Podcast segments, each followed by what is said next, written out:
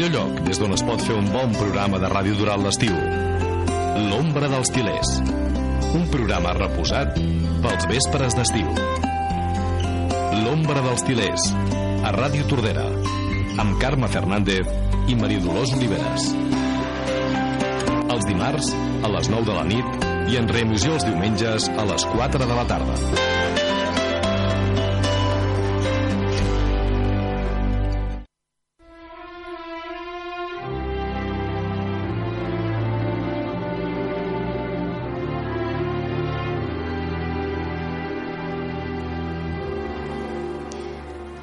Vespre. Continuem amb els nostres programes a l'ombra dels tilers que si vosaltres ho desitgeu, prendrem la fresca plegats.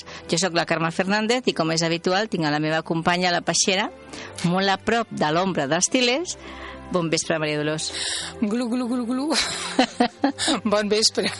Bueno, vull dir... Home, com em dius la peixera... És que això per sembla que es diu la peixera, Sí, sí, sí, eh? Que es sí, diu la peixera, en Que plan que- tècnic, així. Nosaltres avui ens hem quedat com a... Aquí ens han fet les tècniques de tot. Vull dir, uh, a més a més, quina tarda, no? Ha plogut? Jo em semblava que ha plogut o no ha Sí. plogut? Què ha passat? Jo no, jo no, Eh, quasi no m'hi he Bueno, enterat. eh, hi havia trons i llampecs i ha plogut a segons a un. Cap a Salt he vist a la tele un, un bon home que anava amb una barqueta pel carrer. Què dius? O sigui que Déu-n'hi-do el que ha caigut. Aquí res, jo pensava... Jo he sortit perquè estava, estava mirant coses a l'ordinador i tenia la persiana allò i dic, bueno, doncs deu haver plogut i ja, ja no hauré de regar. Aquí pues han sigut no. quatre gotes només. Quatre gotes, Quatre és a dir que... prou. Bueno, això diuen que és més calor, no, Joan? Sí, això és més calor. Bé, doncs segur que s'heu fixat en els tilers que hi ha a prop de la ràdio i que donen ombra als nostres veïns als de Cal Terrassà i per això sortim amb la nostra cadira imaginària a prendre la fresca amb el nostre convidat o convidada a fer-la petar. Avui tenim amb, amb nosaltres en Joan Torrent, que segurament haureu escoltat en aquesta emissora parlant d'història o recitant poemes, és a dir, que, que segur que, que el reconeixereu. Avui, abans d'encetar la nostra conversa, us vull parlar una mica dels tilers, ja que aquest programa té, parla de tilers, no? Fixeu-vos, en general, els, te, els, te, els teis o, te, o teis o tilers dels carrers, parcs o, i passejos són espècies de jardineria que no tenen res a veure amb les espècies buscanes. La única, eh, és a dir, de, de, de talledes n'hi ha d'haver hagu- d'haver hagut força, quan la fusta del tiler, dúctil, densa i dura, s'usava per fer llances i fletxes per, i per tallar figures. En aquells temps, en canvi, no donaven cap importància a la flor del tei. Els clàssics, els grecs, els llatins i àrabs no parlaven de la gran virtut medicinal de la tila. A dir, ja sabeu, cada dia, l'altre dia us vaig explicar una altra cosa també dels tilers i de la tila. I cada dia, vull dir, us faré saber una mica més d'aquest arbre que ens dona, que ens dona nom al programa.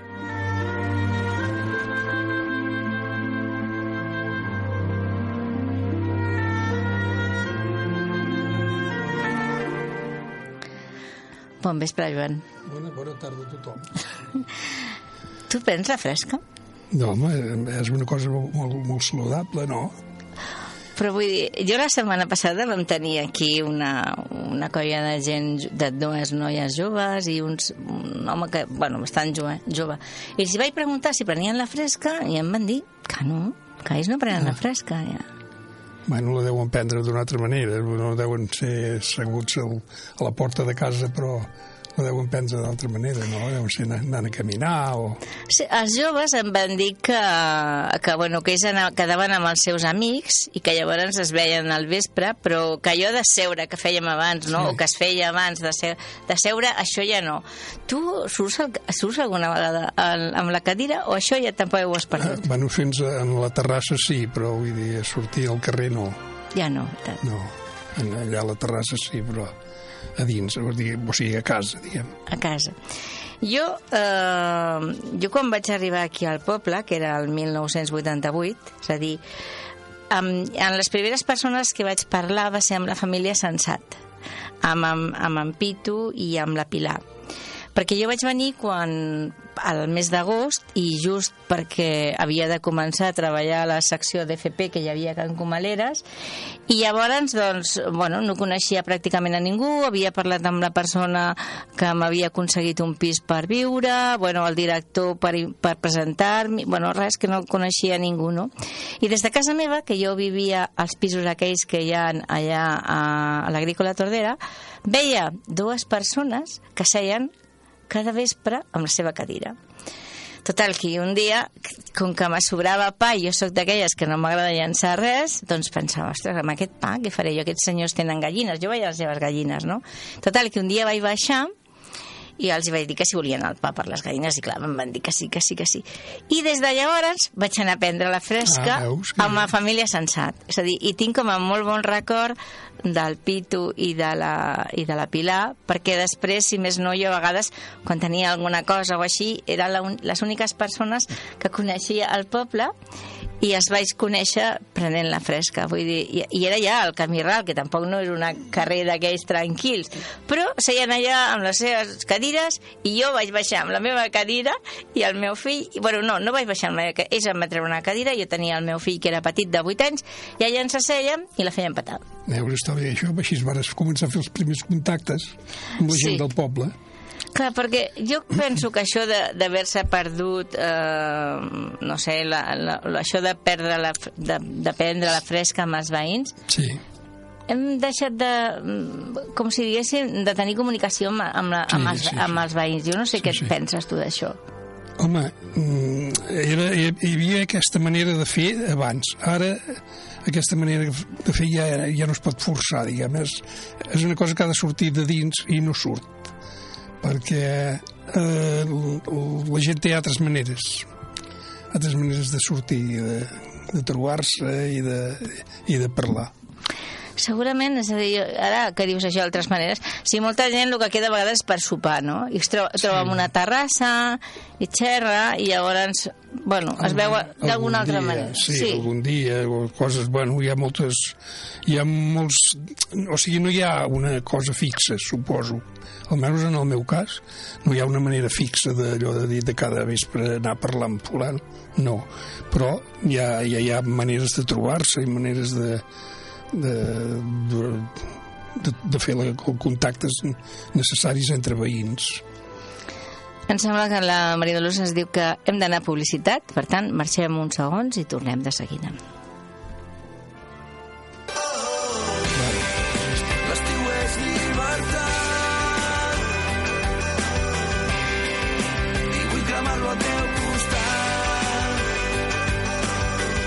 Tordera, 107.1 FM.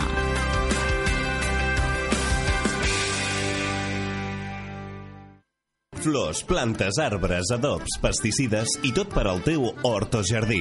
A més de les fruites, verdures i vins de la nostra terra. Ho trobaràs a la cooperativa agrària La Baixa Tordera, sempre amb el millor consell. Cooperativa Agrària La Baixa Tordera, al camí Ral número 13 de Tordera o al telèfon 93 764 0043. No t'ho deixis perdre. Ara també obrim els diumenges al matí. Càpsules informatives. El proper dissabte 28 de juliol a les 10 de la nit a la plaça de l'Església s'hi durà a terme el ball tradicional La Sonsoni, organitzat per l'Associació La Nostra Dansa. Per a més informació, visitin el lloc web www.tordera.cat.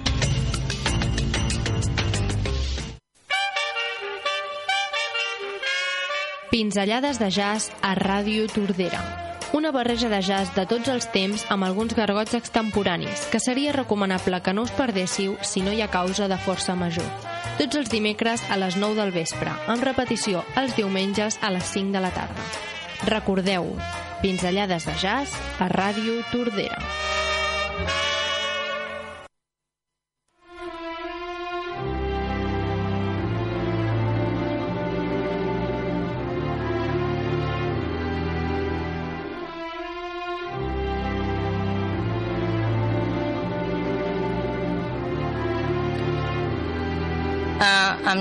Tan, tancat, vull dir, en, en Joan parlàvem d'aquesta d'aquest- d'això que jo trobo falta de seure amb la cadira. Ell deia que hi ha unes altres maneres de trobar-se, Sí, no?, amb els sí, sí. veïns. Sí. Però, no sé, a mi hi ha coses que s'han perdut que, no, que, bueno, que hi ha coses que s'han perdut i ja m'està bé que s'hagin perdut. Però hi ha unes altres que penso, bueno, clar, que en realitat ara sortir al carrer amb la cadira també podria ser una mica complicat, no? Perquè veiem puestos que passen molts cotxes Sí, o les bueno, voreres són poble- molt tancades ja. Al poble hi ha molt de trànsit, eh? Els pob... Bueno, com ara el camí ral, que m'estaves dient, el camí ral, el camí ral... Ara el camí ral, la veritat és que, a banda que aquella casa ja no existeix, perquè ara hi ha un bloc de pisos, no? Però, clar, seria molt més complicat. Però, bueno, hi ha pobles més petits que encara, encara, encara hi ha gent que surt a prendre la fresca, suposo. Suposo que sí, però vull dir, no, suposo que s'ha anat perdent molt, eh? No, Ja no, ja, no, ja no és el mateix. no es veu, no. Bueno, doncs ens haurem de conformar, Sí, però... sí, sí. Però com que jo a vegades són coses que no, no me conformo del tot, doncs en Joan em va dir que volia escoltar cançons d'en Serrat. I jo, com que pensava que seria fantàstic recuperar eh, la, això d'anar a prendre la fresca al carrer, he triat aquesta cançó. Per veure. tant, escoltem, seria fantàstic.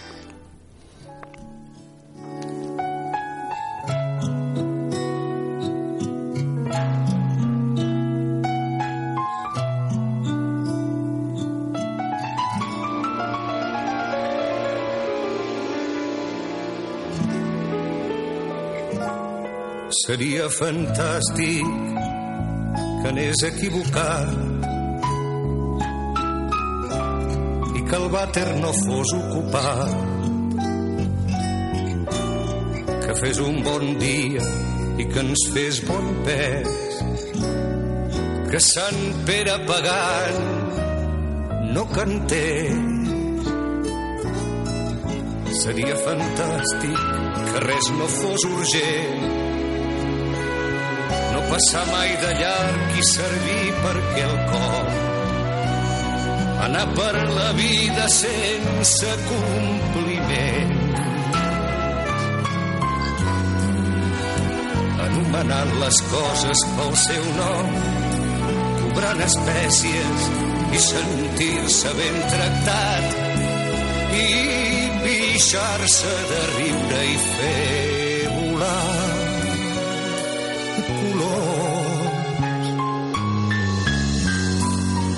Seria tot un detall,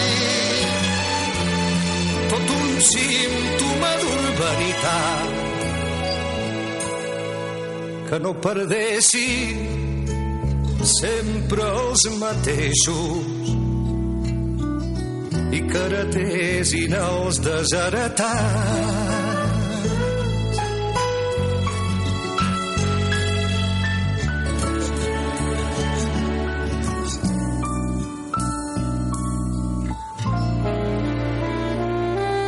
Seria fantàstic que guanyés el millor i que la força no fos la raó. Que s'instal·lés al barri el paradís terrenal que la ciència fos neutral. Seria fantàstic no passar per l'embut que tot fos com és manat i ningú no manés que arribés el dia del sentit comú. Trobar-se com a casa tot arreu. Poder badar sense córrer perill. Seria fantàstic que tots fóssim fills Déu seria tot un detall i tot un gest per la teva part. Que coincidíssim et deixessis convèncer i fossis tal com jo t'he imaginat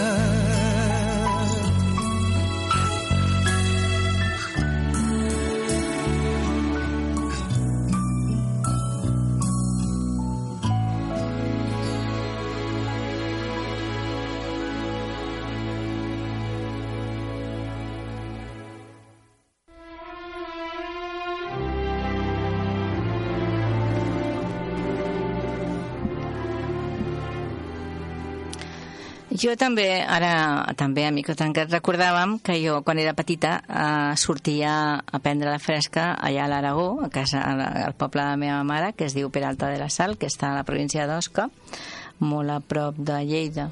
Llavors, bueno, 50 o 60 quilòmetres de Lleida, per tant, vull dir, és a la zona de la Llitera.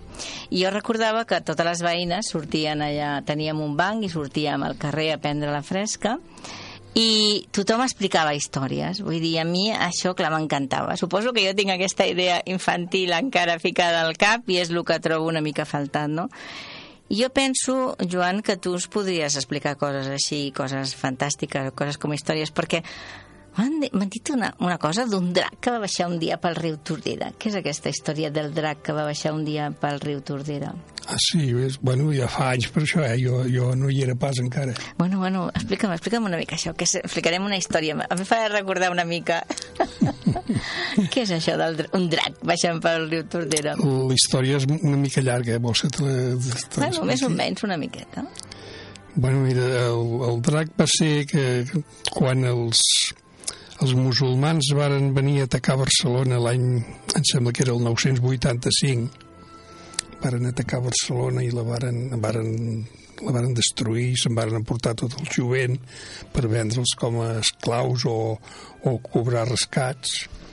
Eh, bueno, per fer tota aquesta feina, ells venien, eren, eren els musulmans de, de, que tenien la capital a Còrdoba i a més a més hi havia els lleonesos que eren cristians però que estaven, eren com una autonomia dels, dels, de, del califat de Còrdoba i l'exèrcit aquest que formava els moros i els cristians de, de, de Lleó a més a més tenien la marina que la marina els hi venia sobretot d'Almeria. Almeria era la capital de, on hi havia tota la marina mora i aquests barcos que venien d'Almeria en, en, en, un de la, en una de les barcasses, o sigui, hi havia dos, dos barcos, arrossegaven una barcassa en la que hi portaven aquest drac, que és un drac molt granet. Un drac tenia uns 16 metres de llargada, conto jo. No ho sé exactament, però no? calculo que uns 16 metres de llargada havia de tenir aquest, aquest drac.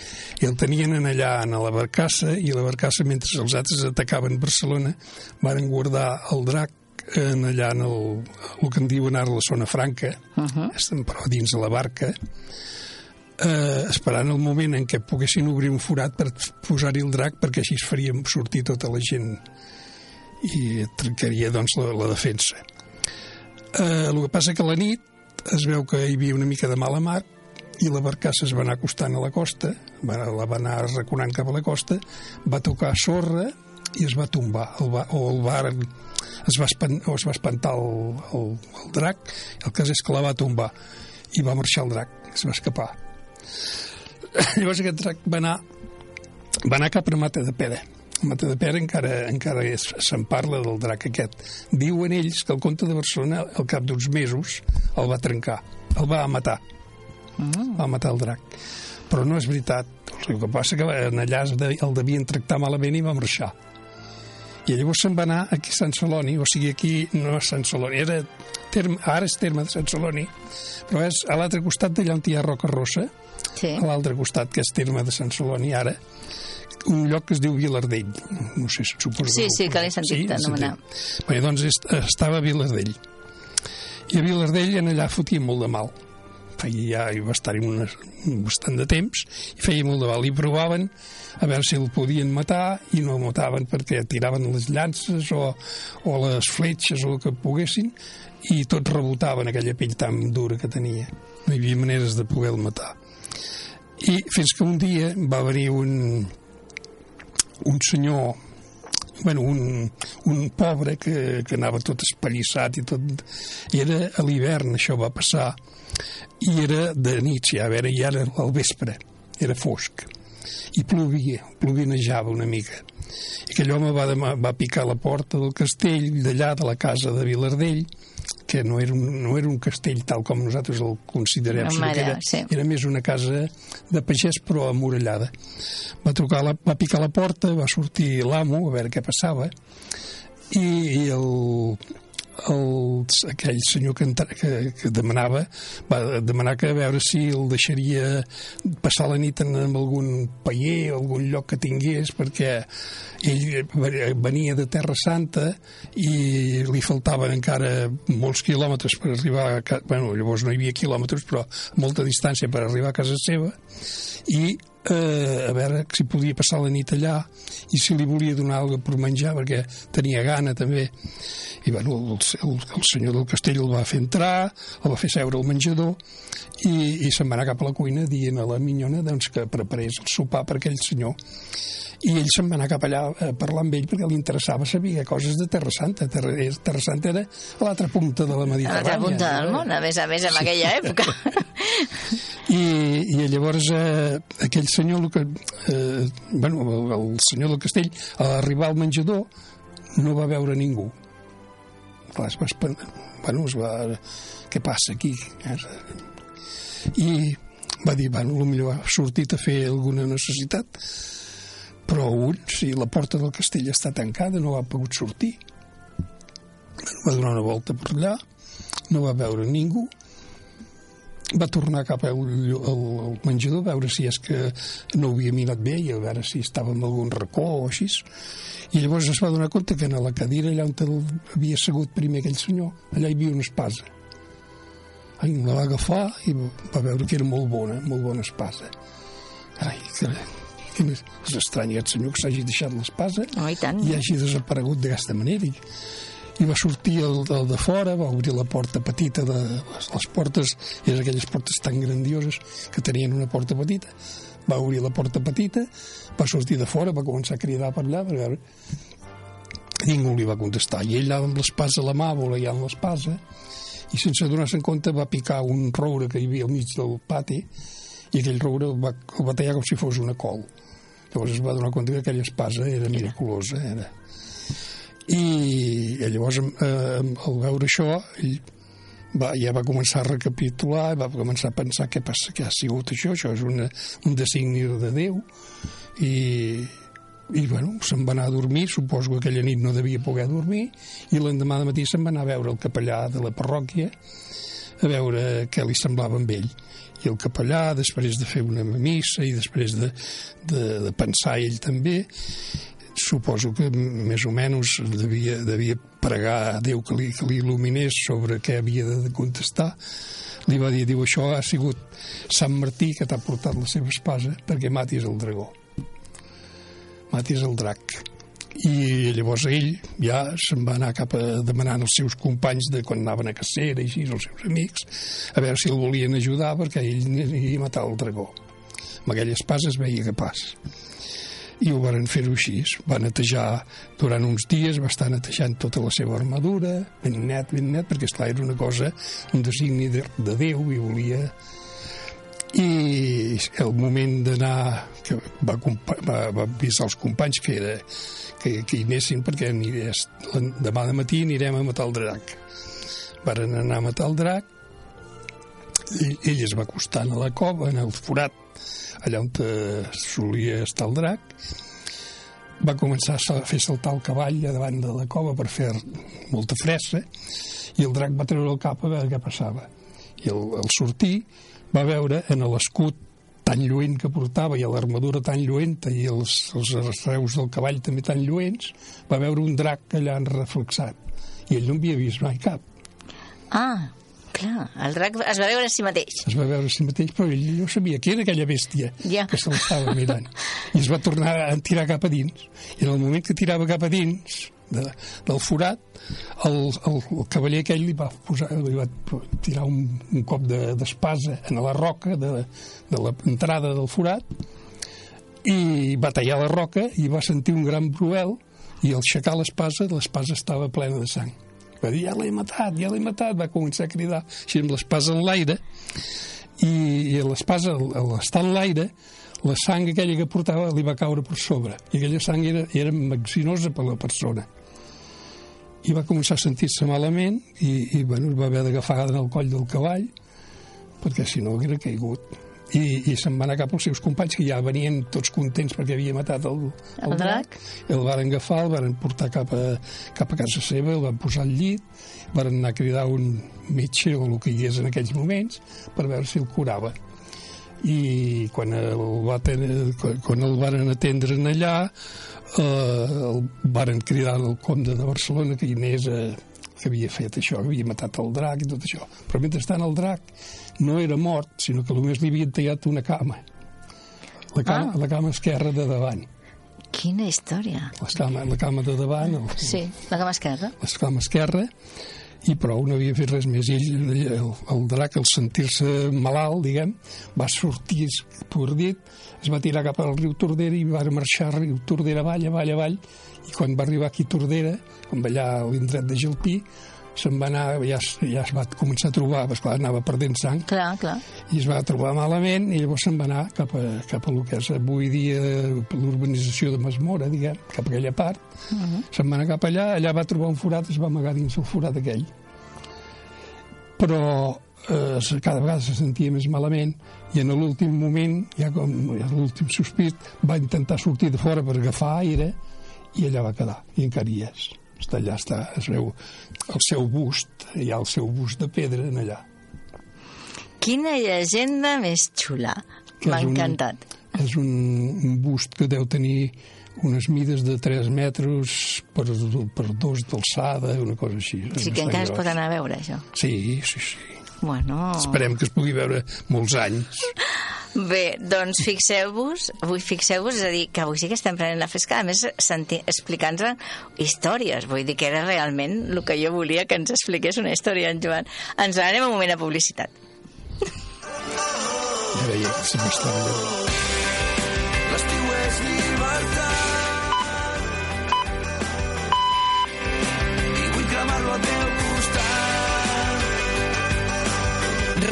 Tordera, 107.1 FM.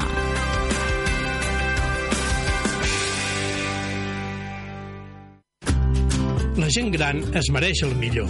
A la residència geriàtrica L'Albert oferim una àmplia gamma de serveis de la màxima qualitat, amb atenció integral personalitzada, activitats i un gran ambient familiar. També funciona com a centre de dia i és centre col·laborador amb l'ICAS. Residència geriàtrica L'Albert, al centre de Tordera i al telèfon 93 764 29 15. Una llar amb el millor per la gent gran. Càpsules informatives. El proper divendres 27 de juliol a les 10 de la nit a la plaça de l'Església s'hi realitzarà una ballada de sardanes a càrrec de la Cobla Sabadell. Aquesta activitat està organitzada per l'associació La Nostra Dansa. Per a més informació, visitin el lloc web www.tordera.cat.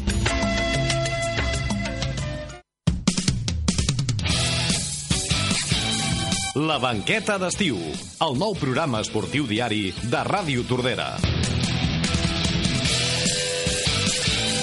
Sense perdre l'essència de l'equip d'esports, amb noves veus, nous continguts i una manera més fresca d'explicar-te l'actualitat esportiva. De dilluns a divendres, de 8 a 9 del vespre, la banqueta d'estiu. 107.1 FM. Ràdio Tordera.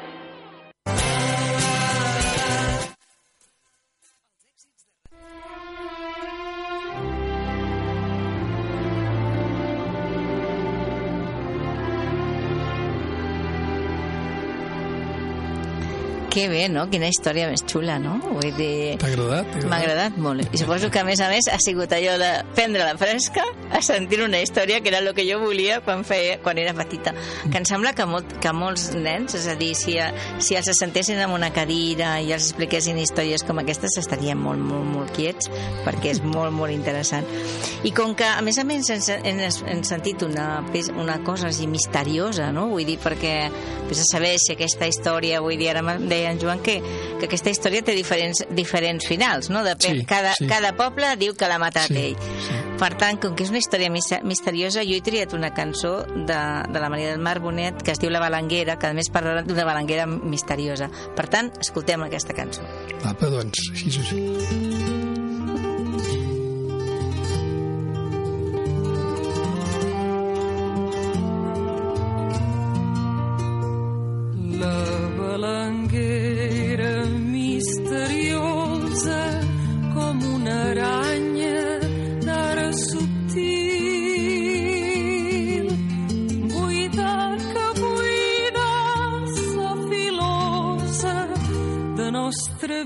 Vida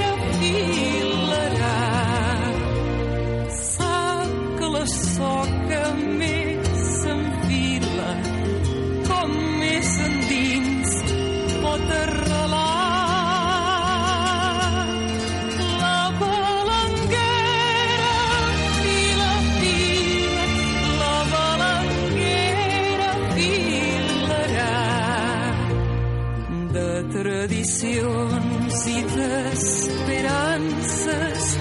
Dix la senyera pel jovent. Com qui fa un ball de noviances amb cabera,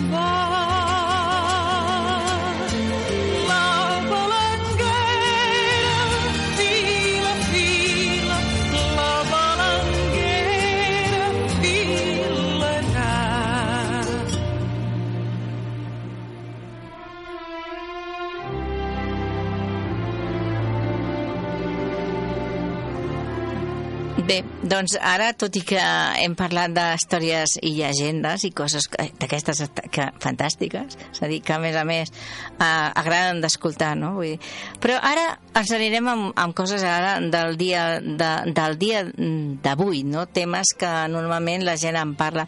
I un dels temes que hem parlat, o que s'ha parlat molt aquest any, és el tema de les dones. Ah, sí, dels maltractaments. I dels així. maltractaments. I a més a més, vull dir, les dones, el dia, el dia 8 de març, aquest any van sortir moltíssimes dones al carrer, va ser, un, va ser l'any més reivindicatiu, no? i en realitat, vull dir, les dones s'han fet com un abans, és a dir, precisament ara, vull dir, tenim un govern a Madrid que pràcticament tots són dones, és a dir, hi ha molt pocs homes, és a dir, que, que el president ha, ha tingut, bueno, no sé, ha confiat en moltíssimes dones molt, molt preparades, i, I tu què en penses d'aquests canvis? De que la, les dones estiguin sent en aquest moment tan protagonistes de moltíssimes coses. Com ho veus? No, jo veig que les dones, les dones eh, han estat sempre massa arraconades. O sigui que està molt bé que, que treguin el cap i que, que es posin al, al mateix nivell dels homes. A mi, a mi em sembla que ha de ser així. Han d'estar-hi al mateix nivell perquè no, no veig per què una persona, perquè sigui home, perquè sigui dona, hagi de ser inferior.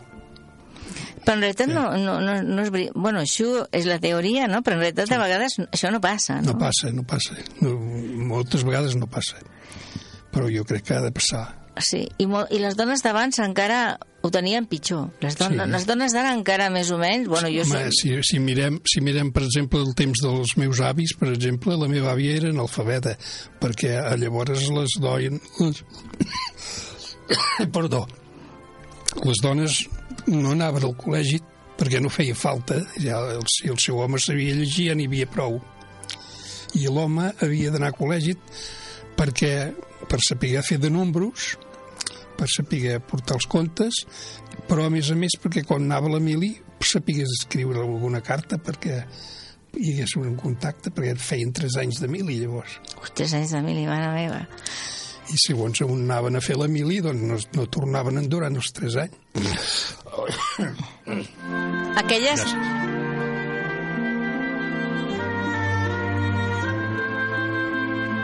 Aquelles dones, a més a més, el que els hi passaria segurament és que elles no podrien ni llegir les cartes dels seus nobles. No, els sí. hauria de llegir una altra persona. Sí, sí, sí, sí. Quina pena, no? Sí, sí. Quina sí, sí. pena no poder llegir Era les teves cartes. De totes maneres, no, a veure, jo a casa meva, vull dir, ja, jo a casa meva vaig viure no el mateix, però el meu pare me va dir que no calia que estudiés molt. Jo després he fet dues carreres, però me va dir que no, perquè jo era una niña. ¿Y para qué quería que te... me iba a casar? Me va dir tal cual. sí. Tú te vas a casar, ¿para qué quieres estudiar tanto? Mari Carmen, no hace falta. Dir, I jo el que passa és que la meva mare s'havia criat a França. Llavors la meva mare tenia una mentalitat totalment diferent, però la meva mare, quan va ser la guerra, la van portar, bueno, com que era roja, es van haver de marxar tots a França, i llavors ella va viure fins, fins als 19 anys. Llavors tenia una altra mentalitat i, la, i li va dir al meu pare que no, que esto no. I llavors, més o menys, vaig, jo després vaig estudiar treballant, no? Però vaig estudiar batxillerat perquè la meva mare va dir que havia d'estudiar, però per mon pare va dir que no, que jo era una niña i que no havia falta. Ens anem un moment a publicitat que ens avisa la Maria Dolors que, que hem d'anar-hi. Jo suposo... Sents que el cap se te'n va, deixa que t'acompanyi en el viatge cap a un racó de l'Àrtic o entre platges tropicals. El temps no borrarà les nostres passes. La ràdio de l'estiu. Ràdio Tordera, l'emissora que t'escolta. Càpsules informatives. El proper divendres 27 de juliol, a les 10, al Bar La Colla, s'hi durà a terme la festa de presentació La Peixera 2018. Per a més informació, visitin el lloc web www.tordera.cat. El món casteller a l'Alt Maresme té un nom, Amunt Maduixots. Viu els castells amb tota la intensitat cada setmana amb la colla castellera de la teva comarca. Amunt Maduixots. Ai, quin tip de menjar! Me'n vaig a la piscina. No, primer has de fer la digestió. Ai, coi, venim al restaurant Les Ferreres perquè tenen piscina i pots dinar prenent la fresca a les seves terrasses i ara no m'ho deixes aprofitar. Primer la digestió, després et podràs banyar fins a l'hora de sopar, perquè jo d'aquí no em moc. Restaurant Les Ferreres. Per reserves, truqueu al 93 764 0607. L'emissora que t'escolta. Tordera.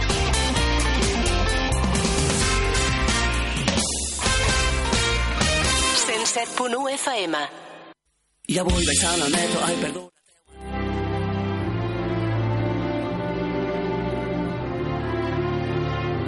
deia mare, del que deia mare amb en Joan, vull dir, hi ha una cançó que fa un retracte, un retracte molt, molt adient, i és una cançó d'en Serrat que es diu La Mare Lola. Per tant, escoltem La Mare Lola.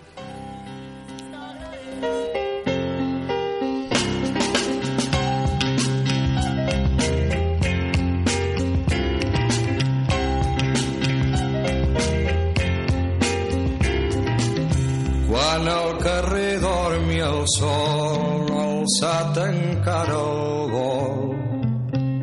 Mare Lola, ja camina amunt i avall amb el darrer badall.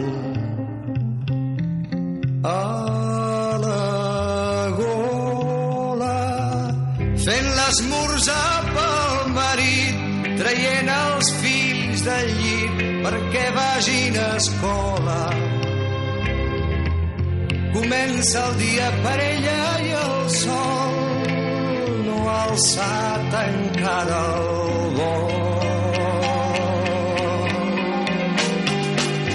Cal fer molts números, cal tenir memòria per arribar a fi de mes.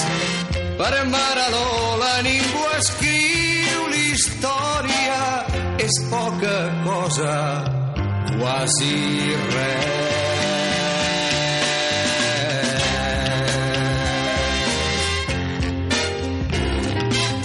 Guaita els arbres del passeig mentre omple el safareig. Mare Lola, ai, si per un moment pogués ni fer ni pensar res anar-se'n sola però el seu somni sempre es perd amunt pel cel obert deixant-li un munt de roba mentre la gent camina pel passeig i es va omplint el safareig. Cal fer molts números, cal tenir per arribar a fi de mes. Per mare Lola ningú escriu l'història, és poca cosa, quasi res.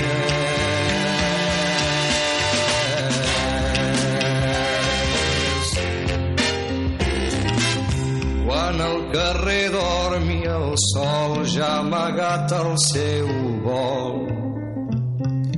Mare Lola s'aixuga per fi les mans, ja dormen els infants.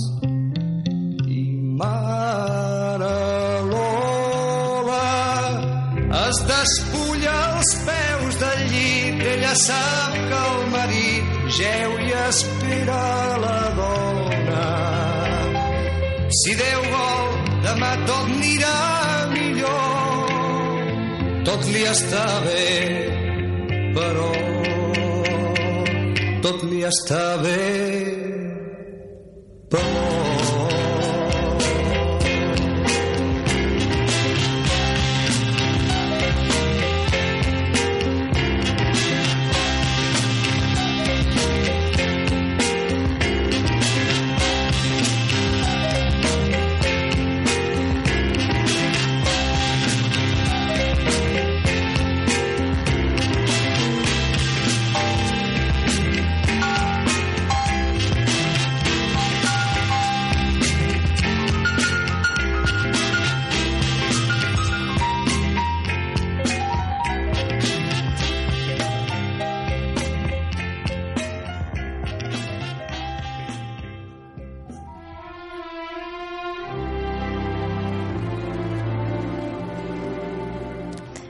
Quina na- raó té aquesta cançó, no? Sí, molt, molt, molt maca, molt maca, eh?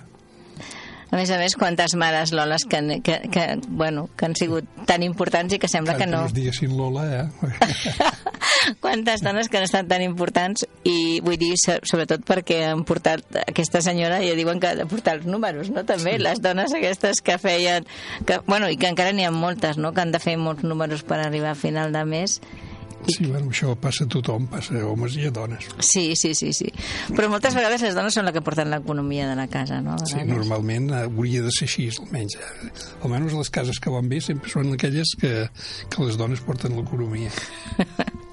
Bueno, és a dir, i bueno, hi ha totes aquestes mares Loles o Loles que en realitat, vull dir, han fet aquesta feina de pujar fills, de cuidar el marit, de- d'estar de, pendent sempre de tota Sí, la família i això ha sigut cabdal. Són, és, és la matriarca, és la, la, la mare és la que porta tota la família. En realitat sí, no? És a dir, i tot i que se- segurament que no eren persones ni que haguessin estudiat, ni que haguessin llegit, ni res per l'estil, però que han estat molt, molt importants i que continuen sent molt, molt importants. Parlem d'una altra faceta teva, o com a mínim és la primera que hem destacat, que podria ser, és a dir, la teva dedicació i afecció i, i, i el que t'agrada tant és la història, no? Ah, sí, sí, és, per mi és el, més, el que més m'agrada, sí. Sí, sí. I tu, a més a més, vull dir que t'agradi, que suposo que deus de llegir, que deus tenir molts llibres, a més a més, d'història. Un parell de milers, n'hi haureu. Jolines. un parell de milers, diu. Has de tenir una habitació ben gran per guardar els llibres. Bueno, n'hi ha per tot. N'hi ha per tot, val. Sí. doncs... Uh... Menys la cuina. perquè si no s'embrutarien de... Bé, doncs, vull dir, de tot això que tu has, que tu, que t'agrada tant la història, tu eh, segur que has fet, has, has cercat, has investigat coses d'aquí de Tordera. Què és el que més t'ha agradat o t'ha costat o que tens un bon record del que hagis treballat sobre aquest tema? Investigat bastants temes de Tordera, que jo al principi de Tordera no en sabia gaires grans coses i ara en sé bastantes, però potser la que més em va agradar va ser la, la primera que la primera recerca que vaig fer que va ser sobre una una, una filla del comte de Barcelona que segons els documents va ser raptada i en aquest temps d'estar de, raptada li va néixer una nena eh, després investigant-ho veus que no va ser raptada sinó que es va escapar Ah, vale. Amb el, amb el nòvio. Bueno, vull dir, una dona d'aquelles que va dir a mi no me casaran amb qui sí. ells vulguin, jo marxo. Exacte. bueno, i hi havia coses I com aquestes. Esclar, la, la, la història diu que el, el seu germà, perquè ja el seu pare era mort en aquells moments, el seu germà, que era el que, el que la tenia per poder-la mercadejar, per poder-la vendre amb un o amb un altre, diguem, el seu, el seu germà la va buscar per tot arreu, bueno, els buscava tots dos, perquè els volia matar tots dos. No sé si amb ella l'haguera matat, però vull dir, en l'altre segur. segur. I llavors, segons la història, però tinguera en compte que va ser raptada, eh? Tinguent en compte que va ser raptada, la història diu que, que aquell la va tancant a la, el que la va raptar, la va tancant a la torre del seu castell. Pan i forrellat allà tancada però esclar, com que sabem que això no és veritat, sinó que el que va passar va ser que es van escapar, llavors en el seu castell no hi va anar-hi, perquè el seu... pel comte de Barcelona el primer lloc que l'haguera anat a buscar haguera sigut en el seu castell. Home, i tant. I en allà no hi, no hi era. Per tant, va estar en un altre lloc. A on va estar? No ho sabem. Però hi ha un document de que quan aquesta dona va quedar viu del cap d'uns anys, ja tenien cinc fills, quan va quedar viuda, va fer una donació molt important al monestir de, de Vall de Maria. Ah. Per què va fer aquest, aquesta documentació, aquest, aquest donatiu tan, tan important? De què coneixia ella Vall de Maria? Vull dir, llavors penses, segur que varen estar refugiats a dins d'aquests boscos que volten Vall de Maria, perquè dins del convent se suposa que no, perquè, esclar, eren gent que vivien en pecat. Exacte però amb alguna casa, perquè llavors, com que les cases a mig de bosc n'hi havien de cases, que feien llenya i feien, i feien carbó i així. I això és la, la teoria que jo vaig desenvolupar per dir que aquesta noia, aquesta, que després va ser reina, la filla aquesta que li va néixer, després va ser reina de Sardenya, podria ser que hagués nascut a Tordera, dins del municipi de Tordera. Bueno, molt interessant, no? Vull dir, avui estem descobrint moltíssimes coses. Vull dir, com que estem descobrint moltíssimes coses i nosaltres amb aquest programa també barregem el que és la paraula amb la música, he triat una cançó de la Marina Rossell, que és el Rossinyol, que a mi em sembla que és una cançó d'història, no? Per tant, escoltem el Rossinyol?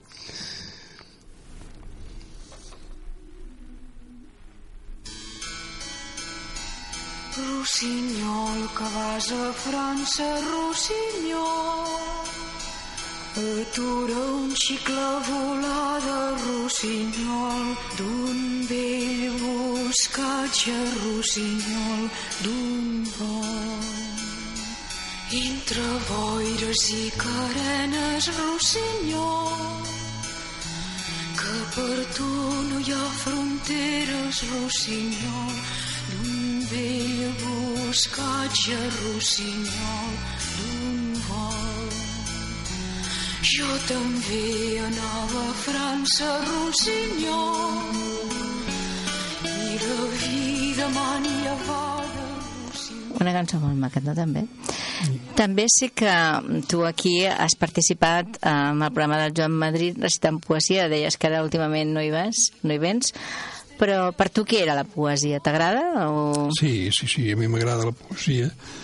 El que passa que ara, eh, actualment, ja li vaig dir a en Joan Madrid que no em truqui per venir perquè estic perdent la veu i no, no tinc prou expressió per poder recitar bé. Però bueno, la poesia... Agradar-me sí que m'agrada, molt. Molt. Doncs, eh, com que li agrada la poesia i, i penso que jo li dedicaré un poema, li recitaré un Ah. poema jo. Molt bé. Perquè, a veure, hi ha una cançó de la Maria del Mar Bonet que és d'un poema que es diu La coloma blanca, sí. que a més és una cançó que ella també la van cantar en castellà la, la, la, la Maria Dolors Pradera, que fa poc que va morir. I he pensat, mira, la recitaré i a més a més la posarem com a final de programa. Eh, com sempre, vull, dir- vull últimament ja sabeu que no poso recepta de cuina, però teniu al Facebook, teniu la recepta per fer un San Francisco. Per tant, la podeu mirar. Necessiteu, us ho dic ràpidament, suc de taronja, de pinya, de préssec i de, de llimona. 20 mil·ligrams de tot, si feu un, solament un còctel, una mica de granadina, perquè la posareu en un plat amb sucre, poseu la granadina, la poseu boca baix, llavors us quedarà tot al, tot al, al voltant, posant amb sucre en granadina, i llavors eh, poseu en una coctelera, ho barregeu ben bé a tots aquests sucs, i després, vull dir, d'aquests sucs podeu posar un, un, una mica de taronja allà, i és un còctel sense alcohol, que a més a més va molt, força bé. I ara, vull dir, li vull recitar aquest poema i acabarem escoltant la cançó de la Maria del Mar Bonet, aquesta cançó de Coloma Blanca. Ens la, me la poses, sisplau, ja una mica per sota?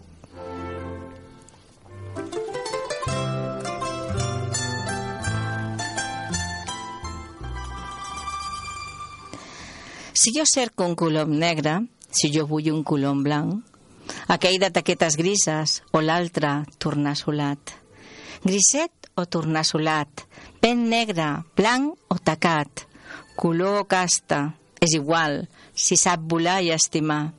Vessades que donin ales per rebre, volar més alt. Vessades que donin ales per sebre, creuar l'espai. Vull ser la coloma blanca, blanca com el teu somrís, entrar i sortir de la torre sense demanar permís. Si jo sabés que em volies, et deixaria un senyal. En el camí una plometa, ben obera al finestral. I la lluna, fent de guia, la, ja trobarà el casal. Cantaré cançons de pluja, perquè facin olor a els camps. Un coixí de molsa humida en servirà de capçal. Geranis blancs, clavellines, saludaran en passar. Bon vespre. Molt, molt bé, molt bé. Ja, ja. Gràcies, Joan. Bon vespre, vull dir, uh, fins la setmana que ve. Vull dir, moltes gràcies, Joan, per haver vingut. Vull dir, ha estat un plaer tenir-te Ha sigut aquí. un plaer poder estar aquí, ja ho crec. M'ha encantat, vull dir, aquesta història que ens ha explicat del drac de Tordera, totes aquestes històries que ens ha explicat una mica per recuperar això de, de, de, de prendre la fresca. Vull dir, com que és un programa de prendre la fresca, Doncs mira, hem Doncs- estat perdent la fresca i hem, ja hem parlat de- i parlant de moltes coses, no? Vull dir, una mica això. Vull dir, i llavors, vull dir, gràcies, Maria Dolors, per la teva ajuda, com sempre. Doncs ha estat un gran plaer i ja veus que en Joan és un poc de saviesa. Sí, eh? Ha sigut una cosa, vull dir, la veritat és que he disfrutat molt d'aquest programa. Ja sabeu que, a més a més, el podeu escoltar el diumenge a la tarda, a les 4 de la tarda, o pu- eh, el penjarem a Ràdio La Carta, per tant podeu accedir-hi des d'internet. Doncs fins la setmana que ve i us deixo amb aquesta cançó de la Coloma Blanca i també perquè recordeu una mica a la Maria Dolors Pradera que fa poc que va morir. Adeu, fins la setmana vinent. Si sap volar i estimar, si sap volar i estimar,